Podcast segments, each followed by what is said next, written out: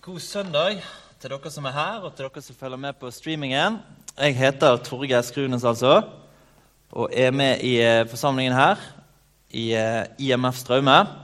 Og I dag er det da jeg som skal tale, og så er det da søndagens tekst. Og det er i dag fra Johannes kapittel 1 og vers 29 til 34. Så både dere som er her, og dere som er hjemme, dere kan eh, finne frem Bibelen og følge med der gjennom teksten. Og I dag er det da andre søndag i åpenbaringstiden, som det heter. Og det er jo eh, en periode i kirkeåret som fokuserer da på å ta frem sider ved Jesus som vi får åpenbart i Bibelen. Og det er det òg i dag. Og det er et par sånne sannheter om Jesus som blir tatt frem her. Men før vi begynner på det, så har jeg bare lyst til å be, jeg òg. Herre Jesus, takk for muligheten til å samles om deg. Takk at det er løfterikt òg i dag å samles om ditt ord. Takk at du vil være midt iblant oss, og takk at du òg, Herre, kan berøre den enkelte som lytter til Jesus. Takk for ordet ditt, takk at det er levende, og må du ved Din Hellige Ånd gjøre det levende for våre hjerter. Må du stige frem, Jesus, og la oss òg få se tydelige tydelig bilde av deg i dag, som blir malt for oss, Herre, og der vi kan se og fokusere på disse sidene ved deg, Jesus, og det, det som blir åpenbart gjennom denne teksten. Må du eh, gjøre oss stille for deg, Jesus, og la det få betydning for oss. Må du òg gi meg det jeg trenger, Jesus, for å tale. Amen. Da er det fra vers 29. Dagen etter ser han Jesus komme til seg og sier, Se der Guds lam som bærer bort verdens synd. Det var om ham jeg sa, etter meg kommer en mann som er kommet før meg, fordi han var før meg. Og jeg kjente ham ikke, men for at han skulle åpenbares for Israel, derfor er jeg kommet og døper med vann. Johannes vitnet og sa, Jeg har sett Ånden komme ned som en due fra himmelen, og han ble over ham. Jeg kjente ham ikke, men han som sendte meg for å døpe med vann, han sa til meg, Ham du ser Ånden komme ned og bli over, han er den som døper med Den hellige ånd. Og jeg har sett det, og jeg har vitnet at han er Guds sønn. Så Før vi går inn i de versene der, så litt om sammenhengen. Og Da er det jo døperen Johannes sant, som taler her. Og Fra vers 19 så kan vi lese hvordan det ble sendt prester og levitter fra Jerusalem for å spørre døperen Johannes hvem er du hvem er du? Og Det de lurte på, var jo flere. Det ene var er du Messias. Og Døperen Johannes sa nei, jeg er ikke Messias. Det andre de spør, er du Elia? Og de lurer på.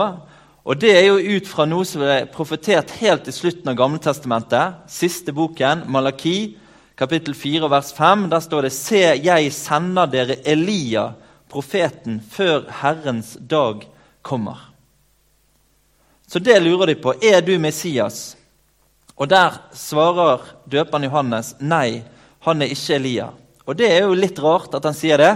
Fordi at Jesus han sier jo veldig tydelig i Matteusevangeliet, f.eks. kapittel 11 og vers 14, om døperen Johannes han er den Elia som skal komme. Og I Matteus 17 fra vers 12 så sier han Elia er allerede kommet. Og henviser da til døperen Johannes. Og Så funderte jeg litt på dette, her, og så slo jeg opp i en bibelkommentar da, som jeg eh, syns er veldig greit å gjøre hvis det er noen ting som man lurer litt på. For det er jo mange som har, altså Bibelen har blitt jobbet med sant, gjennom århundrene. Og så leste jeg hvordan da disse prestene og levittene de hadde en sånn forventning om en sånn gjenkomst av den Elia som vi leser om som ble rykket opp i ildovnen. Nei, ildvognen. Sånn at han skulle komme tilbake i egen person. Og så er det det på en måte døperen Johannes avviser, da, at han er ikke denne Elias som de venter i den forstand, mens Jesus understreker at han er Elia i åndelig forstand og er knyttet til disse løftene. Han er Elia, den som skal komme før Herren kommer. Og her I denne forbindelsen, i forkant av disse versene som vi leste, så sier han sjøl at han er den Jesaja vitner om. Jeg er en røst av en som roper i ørkenen, gjør Herrens vei jevn. Og at hans oppdrag det er å bane vei for Messias. han som kommer etter han. Og så begynner da denne teksten med at dagen etter ser han Jesus komme til seg og sier Se der Guds lam som bærer bort verdens synd. Og dette, Guds lam som bærer bort verdens synd, det har jo kobling tilbake til Det gamle testamentet. sånn Det ligger jo noe til bakgrunn for det han sier, som disse da begynner å tenke på med en gang. Og Vi hadde jo en av disse lesetekstene. Der har vi dette med lammet som blir, som blir uh, tatt frem der i Jesaja 53. Men et sånt hovedbilde i hvert fall, fra dette fra Gammeltestamentet, det er jo det som har med påskelam å gjøre. Dette påskelammet som første gang da ble slaktet i Egypt, ved utgangen av Egypt, og blodet ble strøket på dørkarmene til frelse for folket. Sant? Alle som var på innsiden av disse husene der det var blod, der gikk Herren forbi når dommen gikk over Egypt. Og dette lammet, Når det står om det, så skulle det være et lam uten lyte. altså Det skulle være feilfritt, av hanskjønn, årsgammelt. Og Da hadde du på en måte hatt et år å, der man kunne observere det se om det virkelig var uten lyte, før man da skulle slakte det. Et lam eller et skje kan dere ta. Og Det ble det jo fortsatt med å gjøre da, gjennom Israels historie når de feiret påske slaktet de påskelammet, sant? og så tenkte de tilbake på det. Men samtidig så peker dette òg fremover, som det er med alle ofringene i Det gamle testamentet. Og så er det òg ett bilde til eh, fra den store forsoningsdagen, som vi kan lese om i 3. Mos kapittel 16. Der kan vi lese om sonofferbukkene. Da var det altså to bukker. Og så den bukken som ved loddkasting er tilfalt Herren, skal Aron føre frem og ofre til syndoffer. Men så var det én bukk til. Men den bukken som loddet var falt på, den som skal sendes bort, skal stilles levende for Herrens åsyn, for at det skal gjøres soning ved den. Og så skal den slippes løs for å sendes ut i ørkenen. Og Her var det jo fra den store forsoningsdagen. Det var jo et sånt veldig stor dag sant, i, i løpet av året og det som hadde med tempeltjenesten å gjøre, eller tabernakelet først. Og Det var jo den dagen der ypperstepresten gikk inn i det aller hellige med et offer og stenket blod på denne nådestolen, på paktskisten, paktsarken. Og så I den forbindelse så var det også sånn sant, at denne andre bukken kan vi lese om at Aron skal legge begge sine hender på den levende bukken og bekjenne over den alle Israels barns misgjerninger og alle deres overtredelser og alle deres synder. Han skal legge den på bukkens hode og sende den ut i ørkenen som med en mann som står ferdig.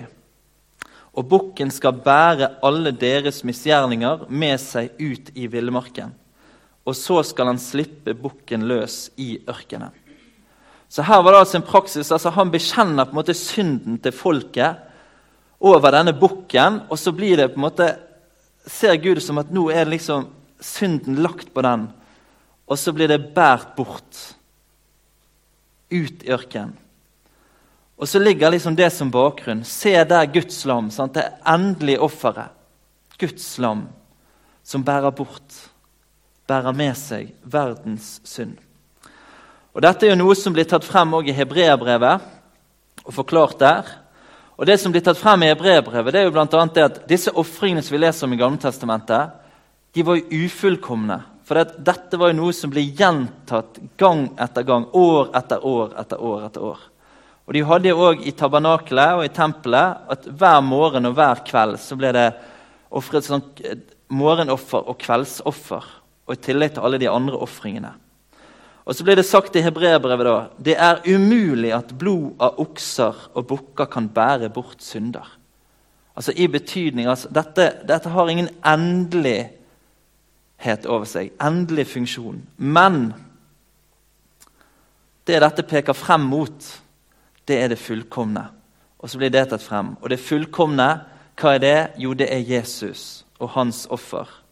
Og så blir det sagt om Jesus ikke med blod av bukker og kalver, men med sitt eget blod gikk han inn i helligdommen én gang for alle og fant en evig forløsning.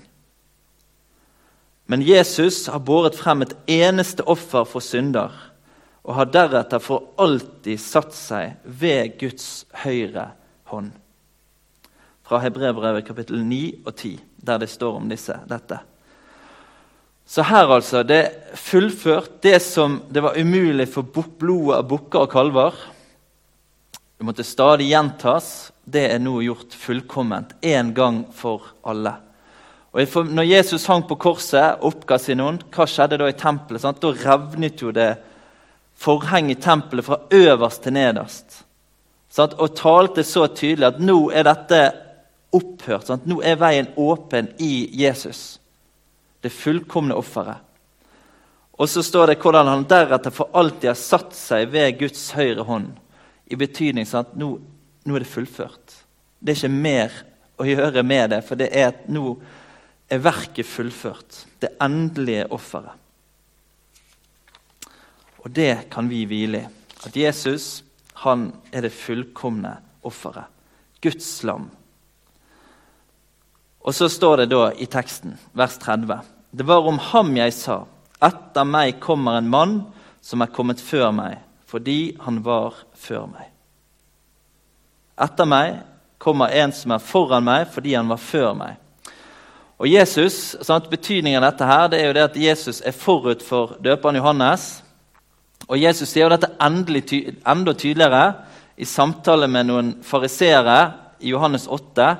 Så sier han det. Sannelig, sannelig, sier jeg dere, jeg er før Abraham ble til.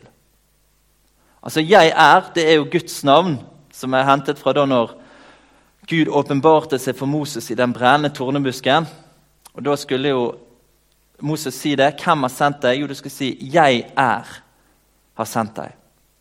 Og Det er jo det Jesus her bruker om seg sjøl. Han sier at, egentlig da sier han at han er Gud. Og han er før Abraham, altså patriarken Abraham. Sant? Stamfaren til hele israelsfolket. 2000 år tidligere levde han, men Jesus han er før Abraham. Han er fra evighet av. Og I forlengelsen i den teksten Johannes 8 så er det faktisk sånn at folket tar opp steiner for å steine Jesus. For det er et her er det jo Guds bespottelse. Jesus sier at han er Gud, at han er før Abraham. Men så står det hvordan Jesus bare skjulte seg og gikk ut av tempelet i den sammenhengen der. Han er før Johannes. Og det hadde Johannes, det visste Johannes. Og så vitner han. Og jeg kjente ham ikke men for at han skulle åpenbares for Israel, derfor er jeg kommet og døper med vann. Altså Det var hans tjeneste, hans oppdrag. Han skulle gå foran, nå skulle Jesus åpenbares, og Johannes går forut for han. Johannes vitnet og sa, 'Jeg har sett Ånden komme ned som en due fra himmelen', og han ble over ham. Jeg kjente ham ikke, mens han som sendte meg for å døpe med vann, han sa til meg:" Ham du ser Ånden komme ned og bli over, han er den som døper med Den hellige ånd. Og Her står det òg noe litt sånn altså, Han sier at 'jeg kjente ham ikke'. Og Det er jo ikke helt treffende, kan det være. For han må nok ha visst hvem han var. For de var jo òg slektninger, Johannes og Jesus. Men det som ligger under her, det er jo det at Johannes kjente han ikke som Messias, sånn som han nå gjorde. Og nå hadde han sett det tegnet som Gud hadde talt om til han. At den han ser Den hellige ånd komme over og bli over, den er Messias. Den er han som døper med Den hellige ånd. Og nå har han sett det, og nå vet det. Nå er det åpenbart. Nå er han overbevist, nå er han sikker og vet at Jesus er Messias. Og Så henviser dette her som Johannes sier, til Jesu dåp, som vi kan lese om i Matteus 3. Så jeg har lyst til å ta med litt derfra òg. i den sammenhengen her. Og Denne Johannesdåpen det er jo ikke det samme som den kristne dåp. Det er en omvendelsesdåp, står det. Og Johannes sier om det at 'jeg døper dere med vann til omvendelse'. Og folket kom, bekjente sine synder, la de av og ble døpt til en ny vandring. Og I Matteus 3 er det der vi kan lese at Jesus oppsøker døperen Johannes. Og Når Jesus da sier at han vil bli døpt av Johannes, Det første Johannes gjør, det er å nekte. Det kan jeg ikke gjøre. Jeg burde bli døpt av deg. Jeg kan ikke døpe deg. Men Jesus sier, 'La det nå skje, for slik er det riktig av oss å fullføre all rettferdighet.' Da lot han det skje. Og så blir Jesus døpt. Da Jesus var blitt døpt, steg han straks opp av vannet. Og se, himmelen åpnet seg for ham, og han så Guds ånd stige ned som en due og komme over ham. Og Der var det altså det tegnet da, som han hadde fått åpenbart av Gud at han skulle se, når Messias åpenbarte seg. Og se, det lød en røst fra himmelen. Dette er min sønn, den elskede. I ham har jeg velbehag. Guds egen røst som talte. Og Jesu dåp her, det taler flere ting. For døperen Johannes så var det bekreftelse på at Jesus var Messias. Tegnet kom, som han ventet på, og han hørte Faderens røst fra himmelen, som bekreftet 'Dette er min sønn. I ham har jeg velbehag. Hør ham.' Og Så taler det noe om Jesus. Og Denne dåpen til Jesus det er jo helt i starten av eh, hans Det er jo det det egentlig begynner med. Hans offentlige virke. Og det er en innvielse til hans frelsesgjerning. Og han begynner sitt offentlige virke etter dette. Og så taler det også, For her er det jo noe merkelig, sant? og kanskje noe av bakgrunnen for protesten hos Johannes. For der folket kom og la av seg syndene sine, så kom Jesus, han som den eneste som er uten synd, som er hellig, som er fullkommen og rein. Men så skjer det motsatte av det som skjer med de andre. Der de legger av sine synder, der får da Jesus all verdens synd lagt på seg. Og Så kan vi lese da videre. Sant? og En ting er dette første vi leste når Johannes peker på Jesus og sier dette Guds lam som bærer verdens synd. Så kan vi òg lese hvordan Peter på en måte tar det samme frem. Han som bar våre synder på sitt legeme opp på treet. Ved hans sår er dere blitt lekt. Der blir det liksom, Og så fullfører han denne gjerningen, går den tunge veien til Golgata kors med byrden av all verdens synd. Og så blir han straffet, så blir han slått, så blir han knust. For våre overtredelser, for våre synder, som vi hørte fra Jesaja 53. Og så gjorde han opp. Og så avslutter Johannes med å si i denne teksten Og jeg har sett det, og jeg har vitnet, at han er Guds sønn. Så Johannes, nå har han sett tegnet, fått bekreftet av Faderen og vitner noe tydelig. Han er Guds sønn. Og så er det det som da er Johannes sitt store mål. For nå har Johannes fått det tydelig åpenbart at Jesus er Messias, han er Guds lam og Guds sønn. Og Da kan vi se når vi leser videre om døperen Johannes, at han har ett mål i sitt liv. Ett mål. Og det er nå å føre mennesker i retning mot Jesus. Og Det begynner allerede her. Når han står og peker, og et par av disiplene er der og hører dette, så kan vi lese videre i Johannes 1 at de måtte snur seg, og så begynner de å følge etter Jesus. Og Så oppsøker de han, og så lar Jesus de, han, de være sammen med han. Og så blir det åpenbart noe for deres hjerte òg. Jo, han er virkelig Messias. Så Vi kan lese hvordan Andreas går og henter sin bror Peter og sier at 'vi har funnet Kristus, Messias'. Og så fører han da Peter til Jesus. Og så får han se det erfare det. Og så begynner vandringen sammen med Jesus. Og I Johannes kapittel 3 og der synes jeg det er veldig sterkt å lese dette med døperen Johannes. Og nå har det egentlig vært sånn at Tilfeldigvis så er det liksom alle de siste gangene jeg har talt i Strømforum, så har det handlet om døperen Johannes og hans tjeneste og overgangen. Så jeg har liksom virkelig fått liksom fordypet meg litt i det. da. Og syns det er utrolig sterkt å lese. Og I Johannes 3 Da kan vi lese det skildres hvordan, hvordan disiplene til Johannes de reagerer litt på at Johannes mister på en måte popularitet, og at folket venner seg til Jesus og oppsøker han. Men så kan vi se at i møte med det så er det bare én ting dette, frem, altså dette får frem hos døperen Johannes, og det er en glede over at dette nå skjer. For dette var jo dette som skal skje. Det var jo hele hans oppdrag. Det var jo å bane vei. Og nå er han liksom i overgangen der at nå begynner folket å søke til Messias. Og Det er i den forbindelse Johannes sier at han skal vokse, og jeg skal avta. Og så skal vi lese hvordan det er. Det, og det gleder han seg over. Fryder seg over det. Nå fullfører han sin, nå han, har han fullført sin gjerning. Til å peke og bane vei mot Jesus. Og så taler dette til oss i dag òg.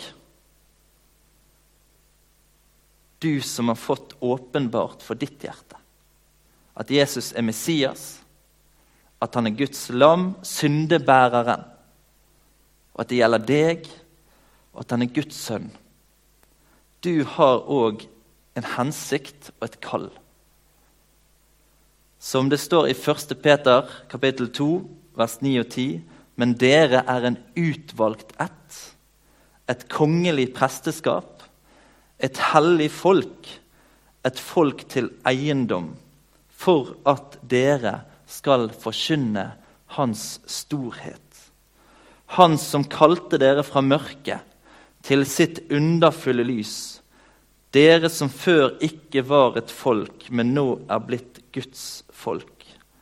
Dere som før ikke hadde funnet miskunn, men nå har fått Guds miskunn.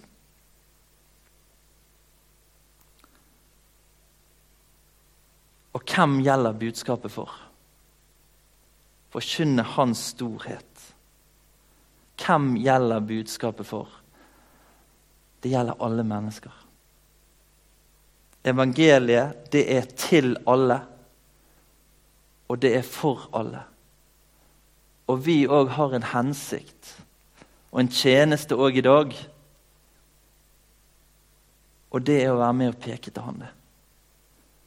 Prøve å vende fokus, vende mennesker i retning av Jesus.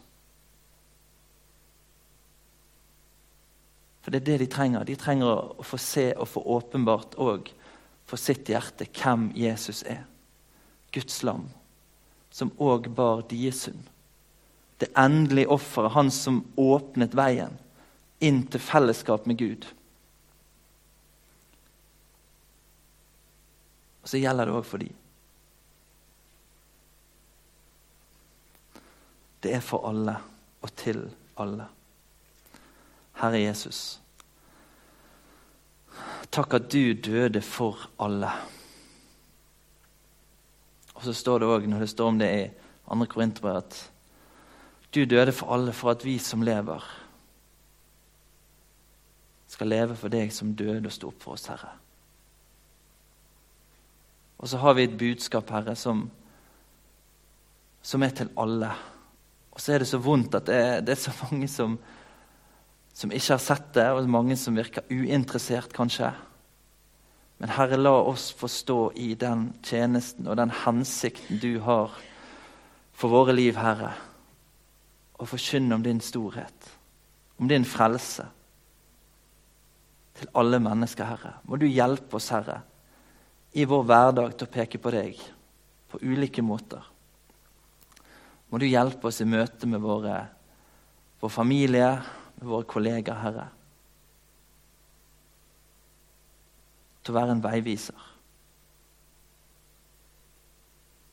At du må legge det på oss, Herre, og dypt i oss, Herre, at evangeliet er til alle og for alle. Det gjelder alle. Må du hjelpe oss da for å være med Jesus. Til å virke som de sendebudene du sier at vi er for deg. Må du hjelpe oss i forsamlingen her, alle som hører på, alle som tilhører deg, Jesus. Til i dette året her få være med og peke enda litt klarere, litt tydeligere til deg, Jesus.